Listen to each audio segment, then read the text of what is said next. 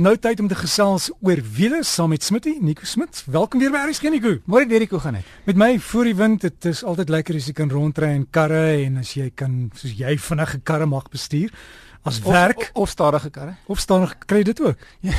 ek probeer stadig op die pad ry altyd stadig op die Ja, maar uh, altyd. dit kos boetes, boetes kos. Ja, dit ek, spaar baie geld. Ja, en dis dan maar ernstig nie, jy kan nie meer vinnig ry nie. Jy weet as jy oor 'n sekere spoedgrens gaan sluit hulle jou toe, ek maal jou. Ja, dit dis dit is verseker nie moeite werd nie. So ehm um, ek stem saam met jou. Ek probeer op die pad. Baie mense sê ja, jy ry seker baie vinnig heeltyd, maar ek ek verkies regtig om stadig te ry. Daar's te veel ander voertuie en en te veel Ja, kom verby. Ek Ja, ry rustig en ja, is baie nee, minder stres. Hou hou is is 'n voertuig agter jou is en hy's haastig, laat hom verbygaan. As ek nou so op die pad ry, ek wonder baie keer oor embleme van voertuie en ons het laasweek ook iemand gehad het gevra het kan ons 'n bietjie daaroor praat nie. Waar kom dit vandaan? Wat is die oorsprong? Want dit is almal net stories. Ek het gedink byvoorbeeld BMW het te doen met vliegtye of so ietsie. Is ek reg? Ehm um, jy's op die regte pad, maar nie 100% reg nie. So kom ons kom ons praat oor die Duitse ehm um, drie vervaardigers. Die kom ons ek weet nie of ons hulle die groot 3 kan noem. Ek seker daar's baie ander die groot 3 Duitsers. Kom ons noem hulle die groot 3 Duitsers. Natuurlik die oudste van hulle is uh, Mercedes-Benz. Ja. Mercedes-Benz is die wêreld se oudste ehm um, motorvervaardiger. So Carl Benz het al in 1886 die eerste kar gemaak. So dis 'n is dis as jy nou dink hoe lank terug dis dis die eerste Vryheidsoorlog. Daai tyd was sy eerste voertuig. Wat nogal interessant is, die eerste veranderinge wat hy in sy voertuig uh, aangebring het, was nadat sy vrou sy kar gevat het sonder sy meewete en by haar vriendin gaan kuier het.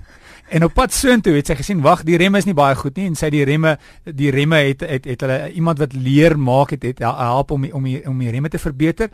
Ook die eerste brandstof, die vulstasie was eintlik 'n apteek. Sy het by apteek gestop om om om nog 'n um, basies brandstof te kry want daar was nie vulstasies nie. Sy het ook gesien uh, die eerste rad is nie sterk genoeg vir vir bolte nie. So baie van die van die eerste veranderinge was nadat sy met die kar gery het gesê, hoorie so, ons moet 'n paar veranderinge maak. Daar's 'n paar goed om om om beter te maak aan jou voertuig. So Sy kar was gemaak in 1886.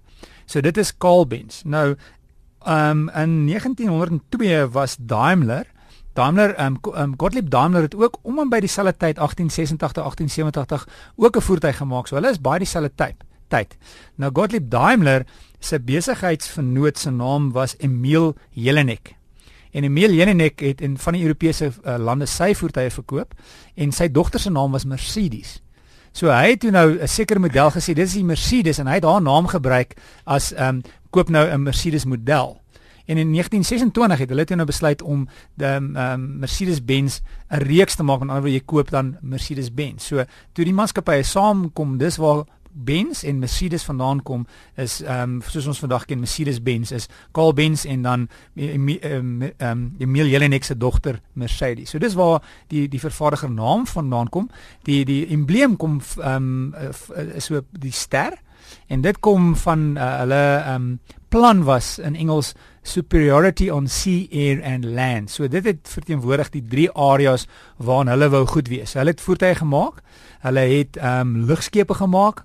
Hulle het um, natuurlik vliegtuig engines gemaak van die eerste jet engines wat gemaak word. Mercedes-Benz het jet engines gemaak. So dis wat hulle hm. hulle plan was is hulle wou die see, die hulle bote gemaak natuurlik ook see, lug en op die land wou hulle die beste hê. En van daar die embleem. Van daar die embleem met die met die drie punt ster is eintlik drie areas wat wat wat waar dit vandaan kom. Die tweede oudste is natuurlik ehm um, Audi. Audi uh, is begin uh, van die drie vervaardigers is begin in die die die die oorspronklike uh, maatskappy was eers um, uh, begin in 1899 Ehm um, die persoon se naam was August Hoog en hy het 'n 'n motormaatskappy begin en maar op die ou net hy nie met die persone saamgestem sy hy het 'n nie die die die res van die vernoot hy het nie saam met hulle gestem nie en hy het toe die maatskappy gelos. En toe hy weer die maatskappy naam wil begin, het hulle sy naam gepatenteer, so hy kon nie sy naam gebruik nie. En toe wat gebeur het is terwyl hy 'n vergadering gehad het met 'n vernoot om te besluit wat se naam, het die vernoot se seun gesê maar hoekom gebruik julle nie Audi nie? En dit is die latynse verwerking van hoog wat beteken om te luister. So dis waar die naam Audi vandaan kom is is die oorspronklike ehm um, voorvader was August Hoog. Die, en die en die kringetjies dit is niks te doen met die Olimpiese spele nie. Glad niks te doen met die Olimpiese spele. Eintlik het dit te doen met die resessie van 1929. So as gevolg van die resessie van 1929, ehm um, met uh, baie motormaatskappye in Duitsland kon dit nie meer maak nie. En wat gebeur het is dat ehm um, vier maatskappye, die uh, twee banke het gesê kom ons maak hierdie vier maatskappye saam 'n groot groep wat se naam Auto Union is. So dit was Audi, dit was DKW, ons het DKW op 'n stadium in Suid-Afrika verkoop, dit was Wanderer en dit was Hoog. So daai vier maatskappye het toe saam gesmelt en die die die vier sirkels of die vier ringe het vier van daai maatskappye verteenwoordig. So Audi die naam Audi het eers daar was daai stadium Audi voertuie maar die embleem was was heeltemal anders. Die vier ringe embleem was eers in 1960s het Audi begin om vier ringe, ringe te gebruik om om Audi te verteenwoordig. So hulle was begin in 1909. En dan BMW die die die embleem dit enigiets doen met vliege propeller of eers later so die ons noem dit in Engels 'n roundel En die roundel, meeste mense um, of baie mense dink dat dit kom van 'n vliegtyg skroef af wat draai. Hm. Die oorsprong is eintlik eenvoudig, dit is die kleure van Bavaria. So die area waar um, ehm, BMW vandaan kom is Bavaria. Hulle hulle is in Munich in Bavaria en die kleure van Bavaria is blou en wit. Jy sal sien as jy Bavaria ja. toe gaan is blou en wit. So die roundel aanvanklik kom eintlik net as 'n verteenwoordiging van die kleure van Bavaria wat blou en wit is. En toe wat gebeur het is natuurlik het hulle vliegtyg engines gemaak en as 'n as 'n bemarkings ehm um, ehm um, foefie foefie of idee in in Amerika het hulle gesê wag hierdie lyk soos 'n 'n vliegtyg se ehm um, se skroef terwyl hy spin. So terwyl hy uh, spin lyk dit baie soos die BMW embleem. So dit is later eers gebruik as 'n bemarkings ehm um, kom ons sê 'n 'n foefie of 'n bemarkings ehm um, plan.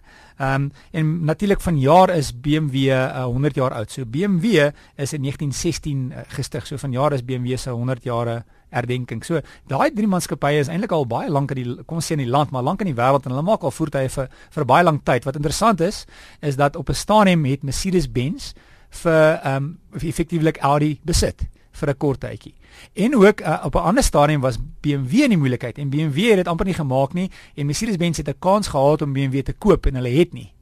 So dit is baie interessant dat Mercedes-Benz het, het sy twee grootste teenstanders het hy kans gehad om albei te stop en hy het nie en vandag is hulle natuurlik is daai twee vervaardigers wêreldwyd die verkoopsyfers baie baie naby mekaar. Hulle verkoop almal hier om en by 1.9 miljoen karre al drie van hulle. Maar ek raak bekommerd want baie van die modelle lyk baie dieselfde. Miskien het hulle mekaar uitgekoop en het net van iemand gesê nie. Ah, ja, dis natuurlik een van conspiracy theory. Ja, ons sal dan 'n ander keer oor die ander motors gesels ja. Ja, ons sal ons sou deur na vervaardigers ja. toe gaan, miskien oor die Koreaanse vervaardigers en Amerikaanse vervaardigers. Daar's nogal baie motorvervaardigers en baie van hulle van hulle embleme is baie interessante storie agter dit.